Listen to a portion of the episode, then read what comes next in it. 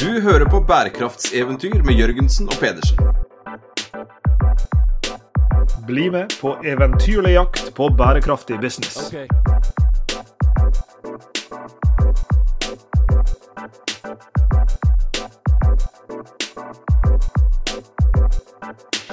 I denne episoden av Bærekraftseventyr Sveinung, så skal vi eh, inn igjen i eh, fashionverden, som vi har snakka litt om i nylige episoder. Dette er jo et av de mange temaene som, som, som flere av lytterne våre ber oss grave oss lenger ned i. Eh, mange er interessert i det her spørsmålet om hvordan skal fashionbransjen og, og tekstil og liksom hele dette store den store skuta der snus mot noe som er grønnere, mer sirkulært, mer ressurseffektivt, mer fremtidsretta. Eh, og For noen episoder siden så hadde vi Adam Martini Strøm eh, til å snakke om dette her fra perspektivet til en som har jobba i bransjen som, eh, som, modell og som, som influenser og på andre måter. I dag skal vi ta en litt annen inngang til hvordan lykkes med mer grønn fashion, mer sirkulær fashion, mer regenerativ fashion. Og da skal vi ta et blikk på dette her som går inn i økosystemperspektivet, og det gleder vi oss til. Eh, og For å gjøre det, så har vi fått besøk av Sara Madawi, som er eh, grunnlegger av selskapet Repasto, som forsøker nettopp å få til det som blir, blir omtalt som et regenerativt økosystem for future fashion, eller for fremtidens fashion. Velkommen til bærekraftseventyret, Sara. Tusen takk. Hvor befinner du deg hen i verden akkurat nå? Akkurat nå mhm. er jeg i Brumunddal, i eh, Ringsaker Gründerparken. Og jeg bor i Moelv, på kanten av skogen. Kjempefin. Repasto.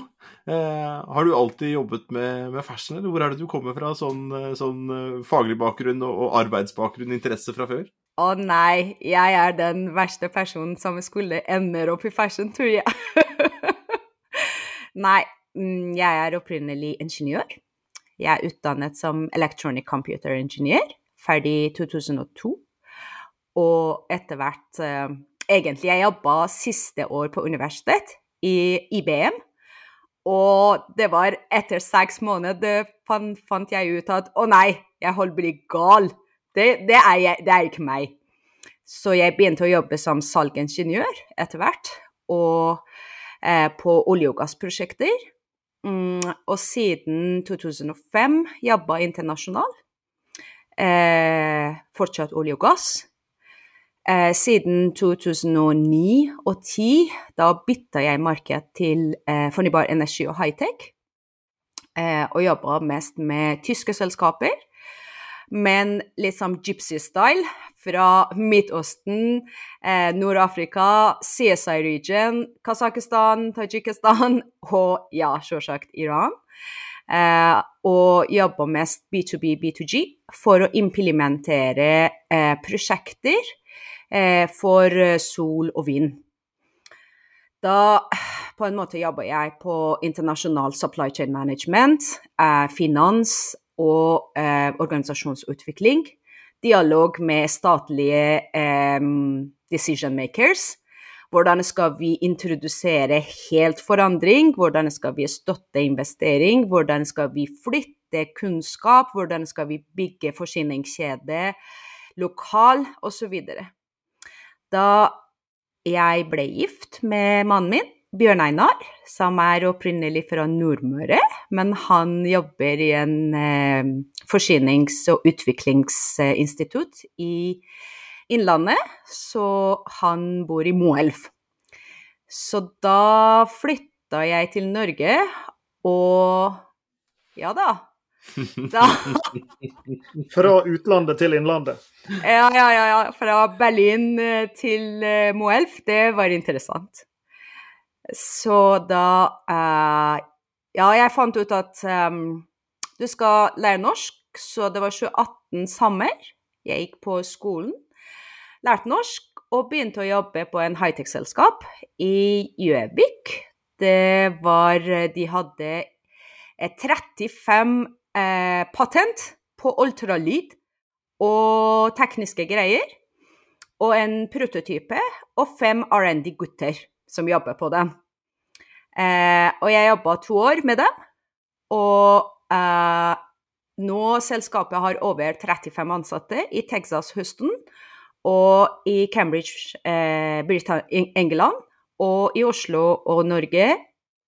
Og ja, la oss si at de har oppegående produkt i NASA.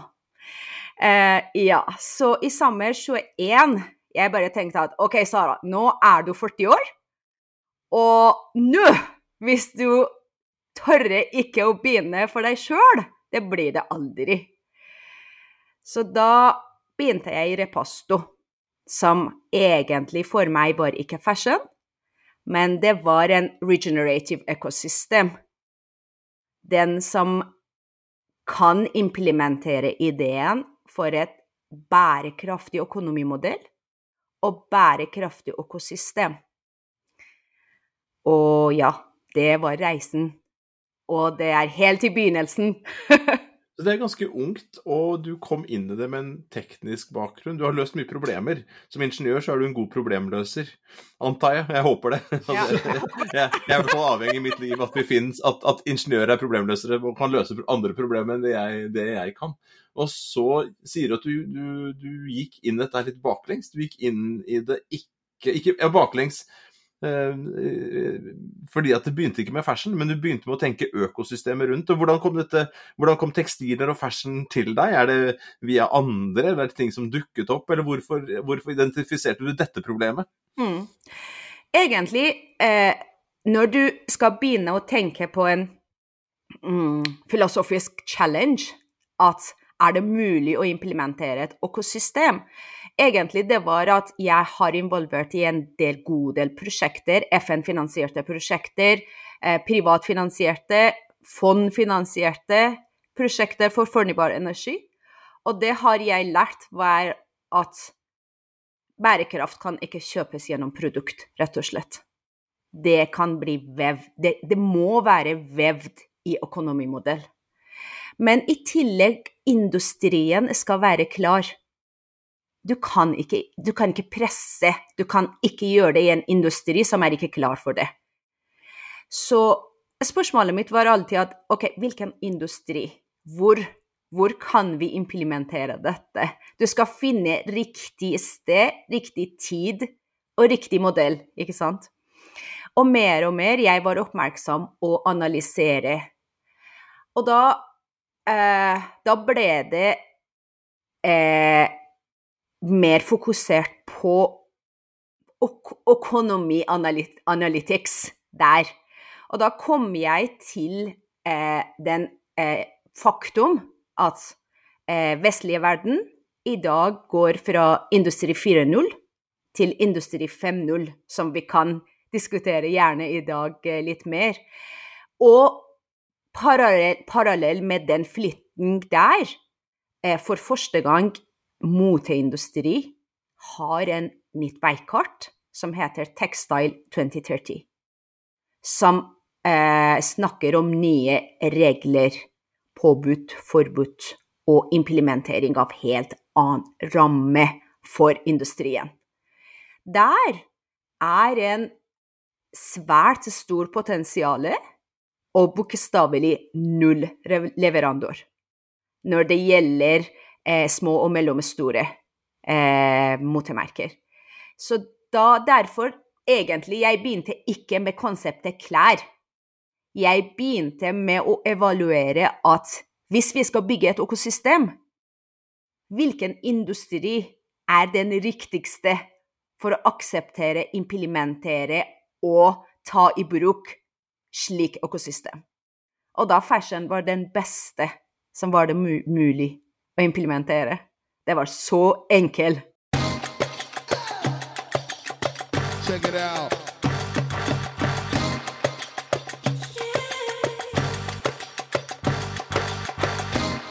Det er jo en bransje med mildt sagt store fotavtrykk, eh, Sara. Dette er jo en, eh, det er jo en global eh, altså Ethvert plagg, eller ikke alle plagg, men veldig mange plagg har jo foretatt en lang global reise på kryss og tvers før de havna i i, i klesskapet vårt. Eh, og, og, på den veien som eh, alle innsatsfaktorene til dette plagget, enten det er ei skjorte eller ei bukse eller et par sko eller hva det måtte være, de, de, møter jo på veien ganske mange utfordringer av miljømessig karakter, av sosial karakter. Som, som, handler om arbeids, arbeiderrettigheter på, på, på kreve, i krevende marked rundt omkring i verden. Det er åpenbart en, en sourcing-problematikk hvor ressursene kommer fra. Der er selvfølgelig et fotavtrykk knytta både til produksjon, til logistikk, og ikke minst i, i, en tidsalder hvor det ikke bare er massiv fast fashion, men også ultrafast fashion, så vet vi at det også ender opp veldig veldig mye usolgte produkt som i noen tilfeller brennes, i noen tilfeller dumpes i en ørken eller i en skog et eller annet sted. Eh, og, og, i beste fall leveres til eh, tekstilresirkulering. Eh, og, og, det vil jo si at veien til en sirkulær og regenerativ fashionbransje den er ganske lang. Og Et spørsmål her da kan jo da kanskje være når dere i Repasto skal, skal gripe det an. og Dere beskriver jo nettopp dette som tre utfordringer dere, dere tegner opp i, i omtalen av, av, forretningsmodellen. Dere er jo altså det begrensa ressurser. Vi, vi overforbruker ressursene våre. Vi overproduserer og vi skaper store mengder avfall. Det er den andre. og Eh, her er sosiale utfordringer en, en, unfair economic model, som det står eh, på nettsida deres, rundt, eh, rundt, spesielt arbeiderne som, som, er med på å tilvirke disse produktene rundt omkring eh, i verden. Og, og, Hvordan er det da eh, denne økosystemmodellen griper an og forsøker å løse disse tre store problemene som dere eh, tegner opp her? Den letteste jeg kan forklare, er at vi har bare én konsept, et konsept, og det er at det er efficiency. Efficiency in material, labor, environment og society. Når, når du, du, du, klarer å implementere et system som kan ta i bruk material som allerede finnes, og implementere riktig økonomimodell som kan forsterke leverandører som jobber og leverer labor og arbeidskraft i systemet, også kan minimalisere avfall og maksimalisere bruk av material i eh, livssykkelen av produkter. Også gjennom service og tjeneste etter salg klarer å skape arbeid for enda mer folk. Og skape lokale arbeidsmuligheter i samfunnet. Egentlig påvirker vi et langsiktig økosystem. Derfor sier vi at vi bygger økosystemet vårt basert på disse pilarer. Først vi finner den 'treasure in waste'. Det betyr at vi henter eh, material fra overskuddmaterial. Eh, Pre-consumption. Det betyr at vi henter restruller fra luxury market, både fra Mill Factory og klesindustri. Uh, og i tillegg, vi bygger et nettverk, desentralisert nettverk, av små og mellomstore produsenter i Europa. Evaluere dem uh, og være sikker at de følger vår um, etiske rettigheter. Um, produsere gjennom det. Og så eh, levere produkter som er justerbar, reparerbar, gjensalgbar og returnerbar hele den prosessen også er eh, basert på en 100% sporbar og transparent plattform. Det betyr at du følger material, tjeneste og produkt i hele livssykkelen. Og dette er som produkt for sluttkunder, men også det hovedsakelig er tjeneste som skal leveres til små og mellom, mellomstore motemerker. De kommer til oss med deres design og spesifikasjon for produktet som de har lyst å produsere. Da henter vi overskuddmaterial, produserer vi, leverer vi transparent og sporbar, og så leverer vi halvsid til Norge og en eh, at det, er, det, kan være juster i Norge før leveres til kundene deres. Og i tillegg, det er inkludert tre år, fem år reparasjonspakke som kan igjen hvert år kjøpes nye pakker. Og i tillegg, det har pant for gjensalg og returnering. Bare tenk på. Og poenget er at vi gjør ingen av disse tjenestene operasjonelt sjøl. Vi er en managementsystem og en teknisk plattform. Vi har i hele Europa vi har partnere som gjør den operasjonsdelen. Vi har både norske i dag, vi har norske og italienske partnere som gjør operasjondel av arbeidet vårt. Akkurat nå så er vi i 2023. Eh, sånn som jeg husker eh, gjennomgangen i sted, liksom reisen her, så var det liksom lære seg norsk i 18 omtrent. Flytte til Brumunddal. Altså, for meg som bor rett oppe i Lia, oppe i Lillehammer, så vet vi at dette her er jo, her er jo sentrum av, av, verden, liksom. Det er her det skjer. Det er her det koker. Eh, men, men, så, det, men, så det, det, er jo ikke noe stor diskusjon. Men fra, fra, og så begynte dette her i 1920 nei, 2021, men hadde ikke noen ideer om akkurat tekstiler og fashion. Og så to år etterpå så sitter dere her med ekte partnere, ekte prosesser som dere styrer, ekte økonomisystemer, ekte Så det er, ikke, det er ikke bare sånn hypotetisk framtidsvisjon? Nei? Nei, i dag har vi eh, 15 partnere i Italia. Eh, også Europas største eh, høy kvalitet overskuddmaterial eh, som eksklusiv partner. Eh, og så eh, i Norge jobber vi med SIB, Sisters in Business, som produksjonspartner.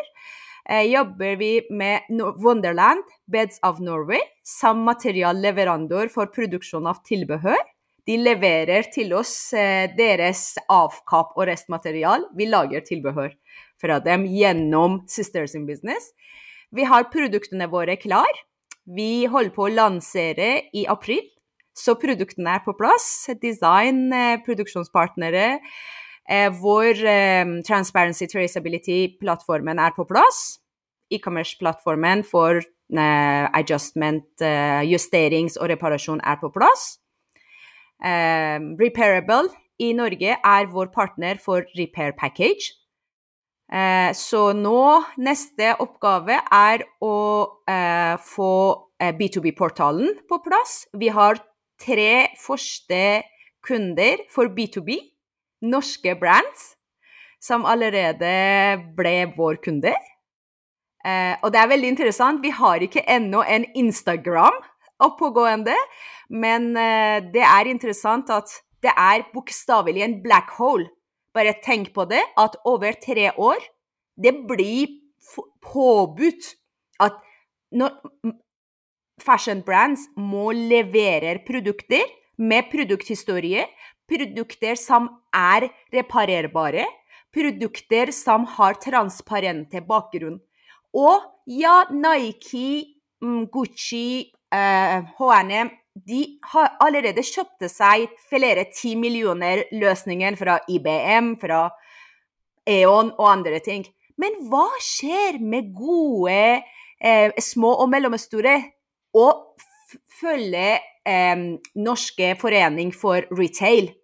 Vi snakker om 36% av markedet som tilhører til de små og mellomstore. Og vi snakker om 10 000 millioner norske koroner hvert år. Dette er ikke nisjemarked. Og de, i løpet av tre år, skal forandre hele leverandørløsningene eh, deres. Fra disse Balkan, Kina, um, Portugal, Bangladesh Til en gruppe som Og bokstavelig, kjære venner, er ingen andre som leverer og tenker at ja, det er verdt det å investere på små og mellomnivå. Og vi mener at mange fortalte meg i dag en at nei, det er ikke mulig rett og slett å produsere på den måten i Europa, og ikke i hele tatt i Norge. Og modellen som vi har i dag, ja, vi har ikke den modellen som går 5% til stakeholders og 95 til retail. For oss, alle er stakeholdere.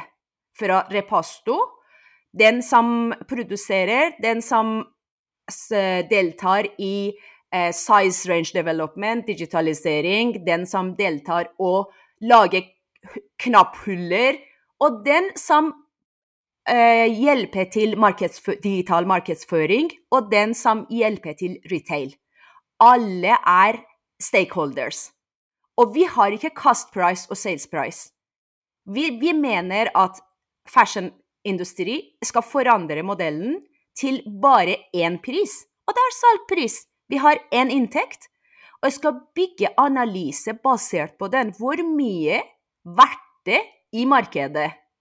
Og hvor mye er andelen av hver stakeholder? Det er første.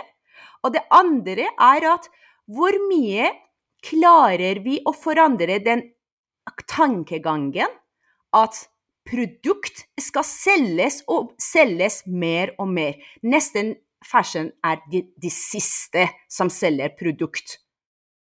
Du skal selge én gang produkt og selge tusen ganger tjeneste. Så vi tenker at hva skjer? Jeg selger én kjole og selger produksjonspakke, årslig produksjonspakke.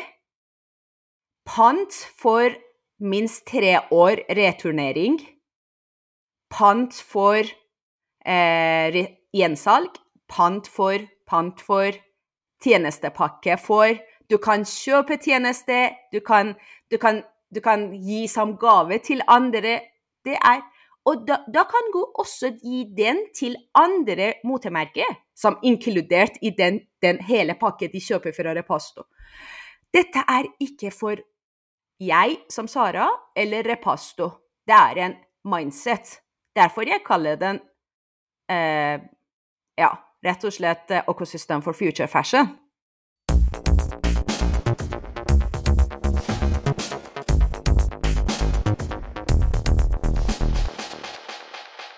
Dette betyr, eh, Sara, at eh, For du sa i stad at, eh, at, at, dere, i første omgang i alle fall, da, er en leverandør til, til små og mellomstore brands. Så det kan da være noen som starter La oss si at jeg skulle nå ønske å starte opp Bærekraftseventyr Merchandise AS. Og vi må ha T-skjorte med Bærekraftseventyr-logo, vi må ha capser og flagg og skjerf og you name it.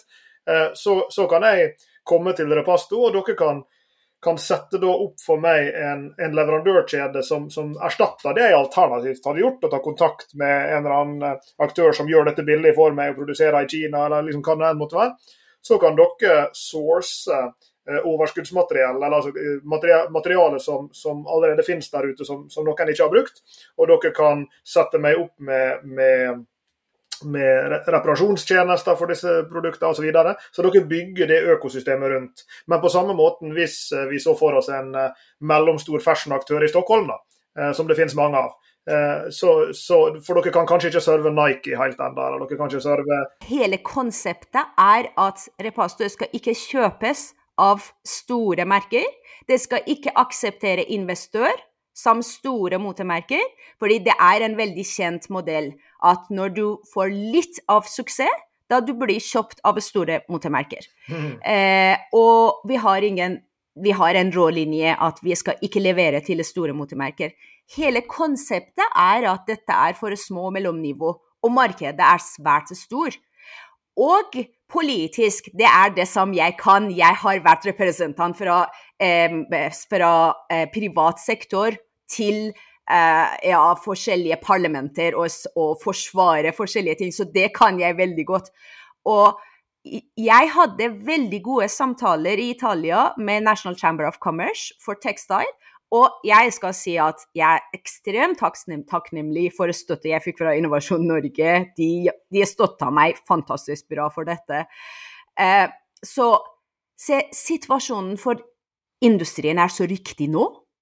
Italia leverer over 32% av merverdi i moteindustri i hele Europa. De fikk enorm budsjett fra EU for å gjennomføre og forandre en del, oppnå en del mål til 25. De sitter med masse penger, og i dag, i 23, de har ikke oppnådd over 20% av de målene. Okay. De har gode entreprenører men de er ikke koblet til det skandinaviske markedet. Og de er gode på operasjon, men de er ikke gode på teknologi. Ikke sant? Så når vi som startups fra Skandinavia går dit Og med støtte fra Innovasjon Norge, alle dører ble helt åpne foran deg. I hvert fall for oss det var sånn.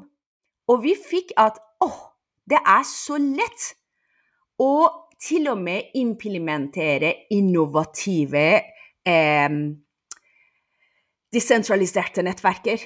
For eksempel, det er størst problem med eh, SMB-er. Hva er det? De er små, og de har bestemt kapasitet. Det er ikke bare for moteindustri. Det er problemet som du snakker for sementindustri, aluminiumindustri. Det er alltid sånn. Mer og mer verden går til små sprint.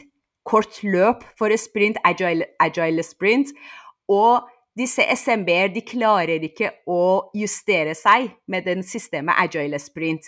Fordi de har bare en bestemt antall ansatte og material. Så spørsmålet mitt var at hvordan kan vi gjøre det agile og fleksibel? Da jeg fant ut at OK, hva skjer hvis det er i hver kommune i industrielle områder i Italia det er mange nye hub, startup hub, som fikk ganske mye penger for å si nei. hva skjer hvis de investerer i maskineri og samarbeider med en del NGO som gir arbeid til disse eh, arbeidskraft som mister arbeid etter 20 år i industri. Fordi det er mange av dem i dag etter at kinesere kom i markedet. Så hvis jeg gir arbeid til en SMB, og de, har, de trenger 20% ekstra istedenfor at de investerer internt, de bare kom til den hubben gjennom huben får midlertidig arbeidskraft som sitter i huben, så de klarer å forandre arbeidskapasitet pluss-minus opp til 40% i forskjellige tidspunkt og levere til meg, til Repasto, i mye mer fleksibel måte. Istedenfor å investere på mange forskjellige symaskiner og mange, ganske store arbeids for arbeidskraft. Eh, CNA har støtta oss. Eh, vi hadde allerede en sånn offisiell takke fra ordfører i Firenze og Scandici for eh, aktiv, reaktivering og rehabilitering, av uh, små verksteder. Dette er stor! Dette er en Det er ikke bare for meg og Repasto. Eh, mange sier at nei, du skal være forsiktig og ikke dele dette, men jeg mener at det er stort for oss alle. Vi skal dele kunnskaper, og vi skal ta vare på den små og mellomstore arbeidsforholdet og material. Dette bygger samfunnet vårt sterkere også. Så du kom inn i en bransje her som var i stor grad lineær.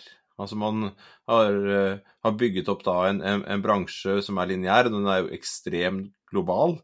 Og så, så klærne har blitt produsert i lavkostnadsland uh, med de materialene som var tilgjengelige, og de er blitt uh, lagd for å vare i kort eller medium tid. og etter at de da var ferdige, eller, eller, noen var lei dem, så har de blitt kastet, og vi har ikke sett noe mer til dem. Vi har ikke blitt utnyttet.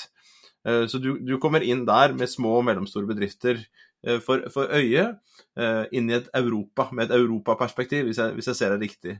En ting er det norske, og så er det Europa i tillegg. Og hvordan er det vi kan bygge opp en industri som har blitt bygget ned? Hvordan kan vi få satt folk i arbeid?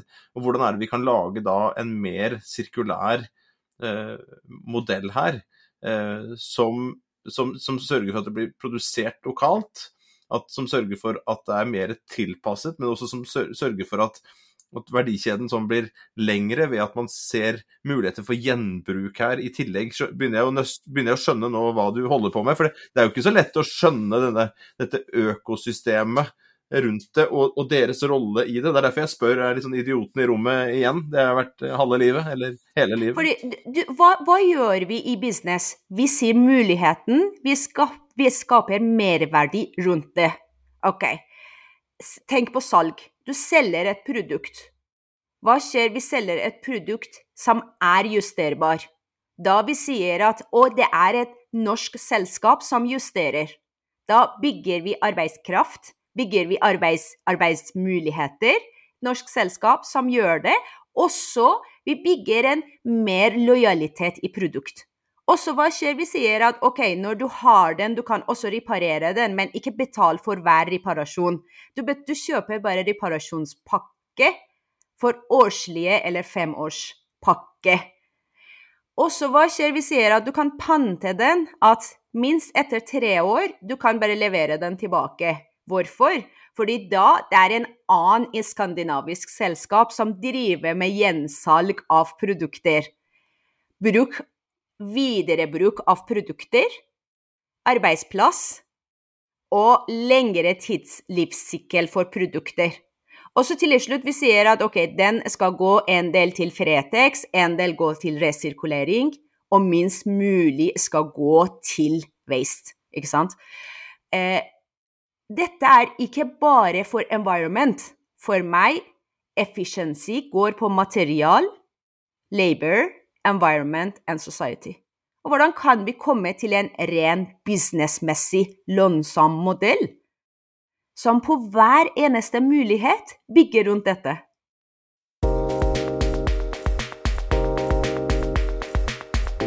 Jeg har da noen beskrankninger i det som du beskriver her, Sara, for, for hvilken type Altså, for, du, du, kunne se for deg mange, mange mange ting her. Altså, det ene er liksom eh, typer produkt. Altså liksom, Det kan være T-skjorte, skjorte, bukse, sko, capser, hansker, skinnjakke, hva det måtte være.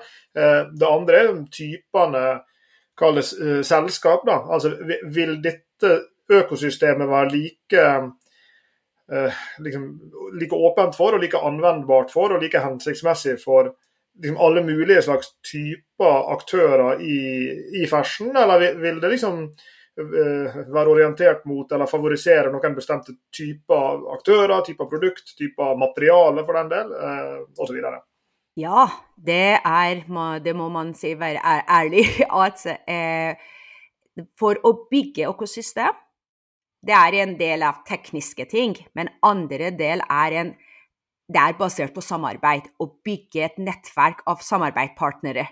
Så jo mer samarbeidspartnere klarer vi å sette sammen i hele ekosystemet, da kan vi levere mer eh, tjeneste. Eksempel i dag, eh, de tjenesteleverandører som vi har, vi kan levere vanlige klær, eh, kvinneklær og eh, menn men eh, når det gjelder f.eks.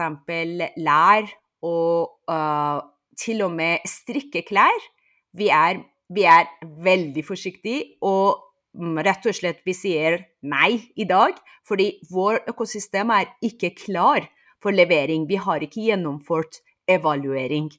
Det er et prosess som tar tid. Eh, du kan bygge teknisk fundament ganske fort. Men for å bygge et økosystem med partnere, det tar tid. Ikke sant? Også den modellen som vi har for produksjon av interiør med SIB, og vi begynte med Wonderland, det er bare en pilot. At vi vet at i Norge vi har ganske gode eh, møbelindustri som strever med Eller de har utfordring med avkapp og avfall. Eh, tekstil. Og eh, nå begynte vi et prosjekt at hva skjer hvis vi tar i bruk den og lager interiørprodukter. Og vi begynte bare med én, men vi tenkte at hvis det er effektivt, da eh, Ja, hvorfor ikke? Da kan vi bygge og presentere det til forskjellige aktører i møbelindustri ikke bare her i Norge, men i Danmark, i Sverige. Det er ganske gode aktører i hele området. Og så istedenfor å bare produsere for repasto, vi kan presentere for brands som er ganske orientert rundt, interiør. Og si at ja, vi kan levere til dere en sirkulær modell helt lokal. Dette er veldig spennende. Et lite oppfølgingsspørsmål, Sara. fordi jeg, jeg, spurte i stad om de Eller jeg, jeg, nevnte var det Nike jeg sa, en av de store. Og vi var inne på det her at ja, de store skal ikke inn. Men noe av det som er interessant med, med motebransjen, er jo at relativt små aktører kan vokse ganske raskt. For det er jo liksom fashion sin et av fashion sine karakteristikker er jo at plutselig eksploderer noe, og alle vil ha det. ikke sant? Så Derfor ser jo du det kan være små svenske aktører, det kan være små franske aktører, italienske, som begynner sånn small is beautiful, og så plutselig blir de, liksom, får de global oppmerksomhet. ikke sant?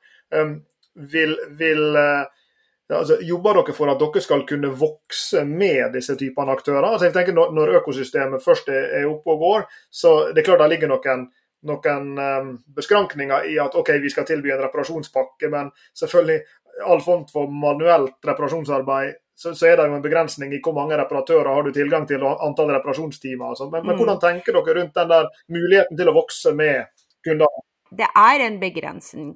Så når du snakker om en, et, over et nivå produksjon, da produksjonsprosess forandrer seg for å produsere f.eks. 500 000, da kan du ikke produsere gjennom SMB-er. Du må forandre til små, eh, large scale production. Det er helt annen prosess. Og da er det andre leverandører, og da skal de kjøpe løsning fra andre. Det er helt Det er liksom at du sier at jeg, hvis jeg skal, jeg en, jeg skal produsere en små skala eh, hydro. Ok, da skal du kjøpe invertor, kjøpe elektriske greier fra én leverandør. Men hvis du skal plutselig eh, gå opp ti ganger på kapasitet, du kan ikke kjøpe produkter og eh, utstyr fra samme leverandør. Du må bytte leverandør. Og vi må velge hvilken type leverandør vi er. Og ja, jeg kan i, i, hvert fall i dag fortelle at Repasto DNA ikke er for store og mass production. Den, den markedet har store leverandører, ganske sterke meninger, og der er ikke den som, som vi kan gå inn og si noe der.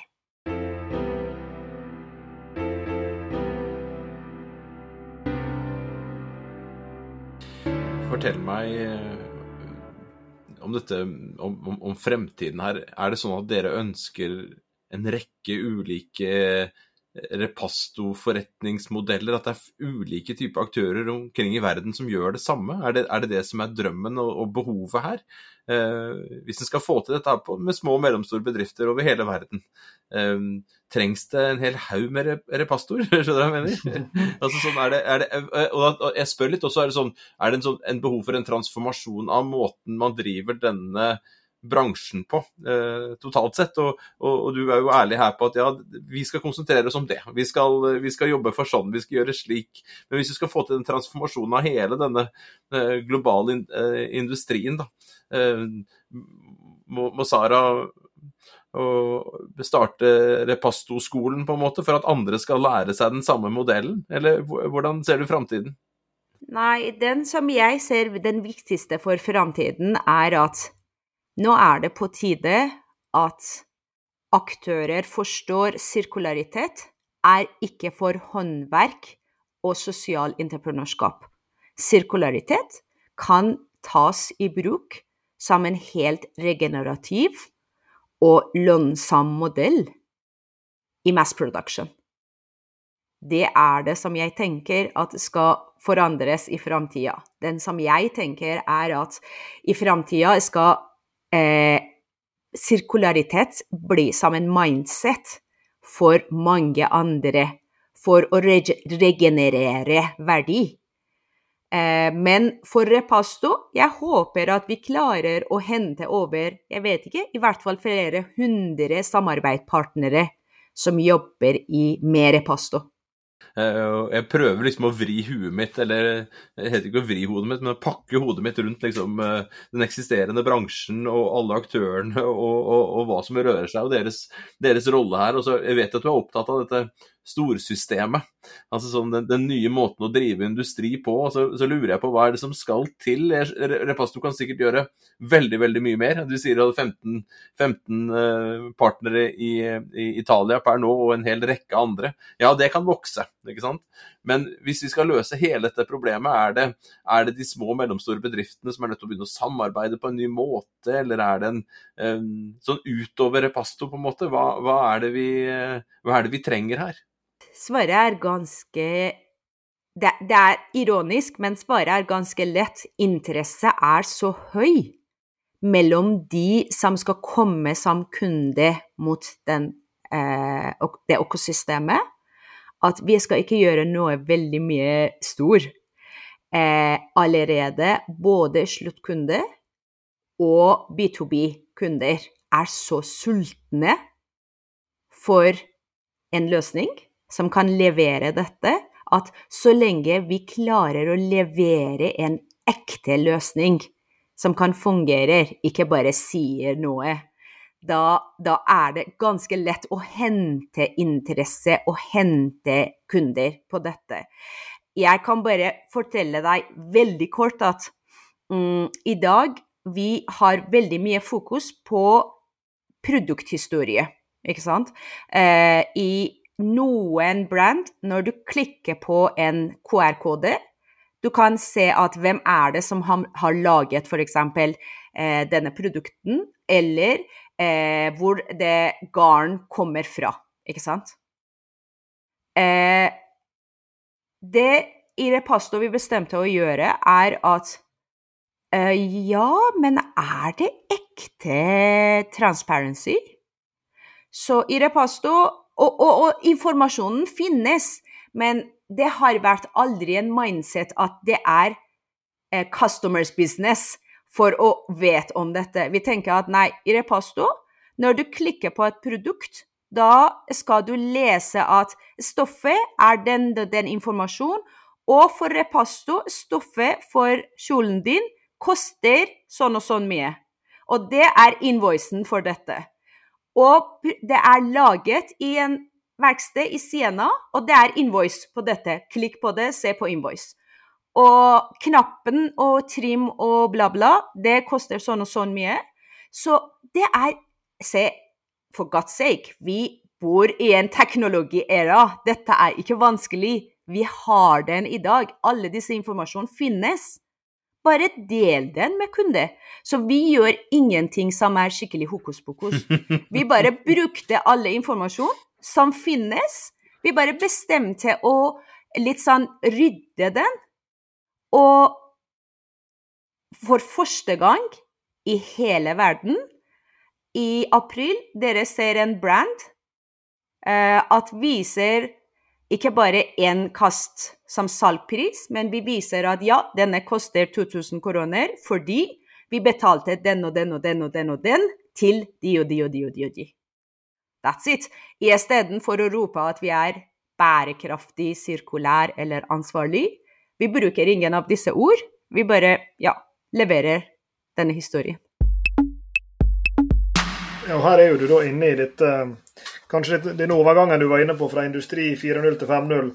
Ja. Eh, i, en, eh, I, en, tid da hvor vi skal eh, vi skal bruke disse teknologiene, både fysiske og digitale, til å Det er jo interessant å lese om Industri 5.0 med det skal være human-centric, det skal være sustainable. Og, og, du er inne på en del av disse tingene som, som, som en skal lykkes med. Da. Dette med liksom, traceability, og kanskje det at en helt sånn umiddelbart får opp din informasjon. At ikke det er sånn som i dag at jo, kanskje for noen brands kan du gå og spørre de bak disken om hvor er den er produsert. Ja, vi må ringe hovedkontoret, så kan du få svar innen 14 dager. Men, men, at vi skal komme oss til den verden hvor din informasjon er der etter touch of a finger i, i kjøpsøyeblikket, for å si det på den, eh, på den måten.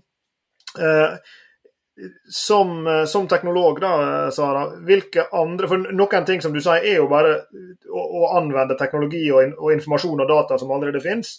Men ser du for deg at det kommer noen større teknologiske sprang framover som, som uh, vil liksom dytte oss enda raskere og hardere inn i en sånn 5.0-æra, hvor plutselig det blir veldig mye lettere for, for kundene å kle, kle av til i uh, pun intended, uh, kle av de aktørene som, som, produserer klær som ikke er bærekraftige, eller som er blitt produsert av en uh, person som jobber i slavelignende forhold, eller hva det nå enn måtte være. og hva er i så fall disse teknologiske sprangene som vi, som vi venter på? Når det gjelder bærekraft, det er interessant, og jeg spør av dere nå at når, når, når vi snakker om teknologi, og vil levere en teknologisk løsning, nemlig transparency eller traceability. Traceability i seg sjøl, er det bærekraftig? Hvordan, hvordan, hvordan dere sier at den, den, teknologien er bærekraftig eller ikke? Mm, hvordan vi gir en, en indikator som bærekraftig til en teknologi. Hvordan gjør dere det? Det er jo, vi, vi, begynner jo ofte med å, å, definere problemet der hvor problemet er. Og vi bruker jo ofte en, en, bedrift som et utgangspunkt. Så det kunne vært, I din kjede så kunne det vært en leverandør av, av, av råvarer, kunne vært en, en, en, butikk som solgte, eller hva det var for noe. Og så må den enkelte, og vi må analysere den enkeltes kall det fotavtrykk der hvor den er. Hva slags type skader er det den medfører? Negative eksternaliteter, sier vi det litt på pent. da. Og så og så, hvis man da skal måle en teknologi, da, sin bærekraftighet For oss er jo bærekraft en fin overskrift til veldig mange ting. Eh, akkurat som de som jobber med kommunikasjon har kommunikasjon som overskriften, og så er det intern kommunikasjon og ekstern kommunikasjon, og det er dårlig kommunikasjon, og det er dialog og monolog osv., så, videre, og så, så faller det på en måte under dette store paraplyen kommunikasjon. Og Sånn jobber vi med bærekraft òg. Det er en stor paraply, og innenfor der så er bl.a. traceability, teknologi og, og lignende. Og Hvis jeg skal prøve å svare på spørsmålet ditt ut fra det resonnementet sånn som jeg tok det, prøvde på nå, da, så, så, tenker jeg at den, i, i, hvilken grad den teknologien er da bærekraftig, vil jeg i hvert fall målt opp mot hva slags type problem den eventuelt løser. Så hvis man har hatt mangel på eh, gjennomsiktighet eller traceability i en, en verdikjede, eh, så man har ikke visst hvordan folk har hatt det, eller visst hvor, hvor eh, Eh, ressursene, tekstilene i dette tilfellet, kommer fra. Man har ikke eh, Man har klart å skjule veldig mange ting i det. Og denne teknologien kommer og åpner opp det, og gjør at folk får det bedre i verdikjeden. Eh, som sørger for at det er en mer rettferdig fordeling av den verdien som blir skapt, økonomisk. Som sørger for at, som sørger for at, som sørger for at. Og så må man prøve å se, OK. Er det, denne teknologien medførte den noen løsninger på disse problemene, og i hvilken grad? Så skal man si at Nei, ikke foreløpig. Ok, ja, hva kan man da gjøre videre for at, de, at, at, det skal bli flere i arbeid, bedre fordeling, eh, eh mindre, mindre, giftige arbeidsmiljøer eh, og andre typer problemer som, som ble skapt? da. Eh, treffer jeg planken da, eller? Eh, du som stilte spørsmålet, skjønner du hvor jeg vil hen? Ja, akkurat. Så jeg mener at når, når, når for, Fordi nå er det så mye bråk mot, rundt dette i motebransjen traceability, traceability, traceability, digital passport. Jeg mener at hvis jeg bygger en QR-kode, at når du klikker på det, og det er en ekte eksempel Når du klikker på det, du, du ser en, et bilde av et firma i Peru og fine lama, og du sier at det kommer derfra. OK. OK. Ok, Hva? Ok, hva, hva er det? Det, hva er det egentlig? Hva er det dette løser for meg? Eh, jeg mener at vi skal vi gjøre det populistiske, eh, journalistiske arbeid, eller snakker vi om bærekraft? Hvis vi snakker om bærekraft, da skal vi si at hva er Fordi eh, jeg, jeg, jeg, lærte veldig mye fra Per Espen Stoknes og den, den teorien han, han, jobber med, når vi sier at hvor mye du effektiviserer egentlig. Eh, hvor mye kilogram fotoavtrykket er en ting, men hvor mye effektiviserer mot den verdien som du skaper, det, det, det telles. Og jeg mener at OK, du, du har produsert der, men mot hvilke verdier? Hvor mye forbedrer du situasjonen som de hadde i arbeid der? Hvor mye kaster for dem? Og å gi informasjon i seg sjøl, bare for å gi informasjon, dette er en ting som dessverre går veldig mye i bransjen. Og nå, det er så mye heia og så mye bråk rundt dette. Ingen tenker på det. At nei, vent litt, det, det var ikke meninga. Og kanskje er det en, en, side ved økosystemet her, da, Sara, fordi jeg deler din, din uh, skepsis her. Vi er jo jeg og Sveinung tilknytta et institutt for regnskap, revisjon og rettsvitenskap. og Der lærer vi av våre gode kollegaer som, som driver med, med, regnskap og revisjon, at, um, at, god informasjon den skal jo være decision useful. Den skal være, den skal være verdifull for beslutninger du skal ta. Og som du sa i det bildet av den lamaen, det er fint med lama, men de, de, forteller ikke oss så mye om hvorvidt vi burde eller ikke burde kjøpe produkter. Og, og kanskje er det en behov i disse økosystemene for at det også da vokser fram aktører som kan hjelpe deg med å, å bruke, bruke, informasjon. For problemet er jo at, at en kunde veit jo egentlig ikke nødvendigvis hva han skal leite etter. Nå om dagen er det veldig eh, populært med sørafrikansk vin, f.eks. Eh, og noen får en sånn magefølelse av at nei, men jeg burde jo ikke kjøpe vin fra Sør-Afrika, for der er det så mange sosiale problemer. Andre får motsatt følelse, at det er så flott at jeg kan kjøpe eh, vin fra Sør-Afrika, slik at en kan støtte den sørafrikanske økonomien. Og, hva, er rett, hva er galt? Hva er det du bør lete etter av informasjon som er presis og som er fokusert, og som hjelper deg til å kjøpe altfor overordna seg sørafrikansk. Poenget er jo at du burde kanskje kjøpe fra den farmen der, for der har de kontroll på, på arbeiderrettigheter, men på den andre farmen der har de ikke det. Men for den jevne kunde å stå foran ei vinhylle og skulle gjøre den vurderinga, er jo nærmest umulig, og du vet ikke hva du ser etter. Eh, så, så kanskje i den typen økosystem som, som, Repasto er med å bygge opp her, da, så trengs det også den samarbeidspartneren, ikke bare som reparerer, ikke bare som sourcer materiale osv., men også som kan aggregere og analysere og bruke informasjonen som genereres gjennom traceability, til å liksom eh, kuratere det for kunden, slik at her er informasjon du trenger når du skal kjøpe ja, dette plagget da, i deres tilfelle, eller denne vinen i, i, i mitt andre eksempel sitt tilfelle. Ja, det er helt sant. Og det er interessant at du begynte å snakke om dette eh, på Arendal-uka. Jeg begynte å snakke med Sintef, fordi jeg var akkurat etter dette. Jeg var, jeg var ikke veldig kjent av hva foregår i Norge når det gjelder forskningsprosjekter rundt dette. Så jeg prata med Sintef og hadde veldig gode diskusjoner med Sintef i Trondheim. Mange spurte meg du har masse ting å gjøre som en startup, hvordan skal du reise, hvorfor skal du reise til Trondheim? Så, men eh, til slutt eh, De godkjente Repasto som Norges representant til et EU-prosjekt som heter Trikk EU. Det er størst EU-prosjekt for Traceability, Transparency and Circular Economy, som skal implementere en blockchain-based plattform, eh, prosesser, sertifiseringsprosesser, og hjelpe til industrien for små og mellomstore for å egentlig gjennomføre den eh, flytting fra lineær til sirkulær. Og nå vi er Ja, alle andre er ganske store selskaper, men eh, ja, på et eller annet måte de, de bestemte at Reposta er bra nok for å være, sitte i advisory board der. Så gjennom samarbeidet der, egentlig størst interesse for meg er akkurat dette, for å koble Repasto til EU, eh, sentraldiskusjonen rundt dette teorien. Hvordan skal vi egentlig implementere en riktig evalueringsprosess? Men samtidig, herfra jeg skal si at jeg er så glad å finne partnere i Norge som kan hjelpe oss for å utvikle bedre evalueringssystem. Dette skal ikke være bare en operasjonmodell. Vi skal bygge en riktig eh, engineer-based system, og vi trenger gode partnere. Så hvis dere kjenner noe som vi kan bygge dialog vi, vi, kjenner, vi kjenner, mange, men det hjelper jo kanskje å få vite hvem er, hvem er det du drømmer om? Praktikere, for det første, som forstår en eh, praktisk måte for å komme til eh, løsning for industri.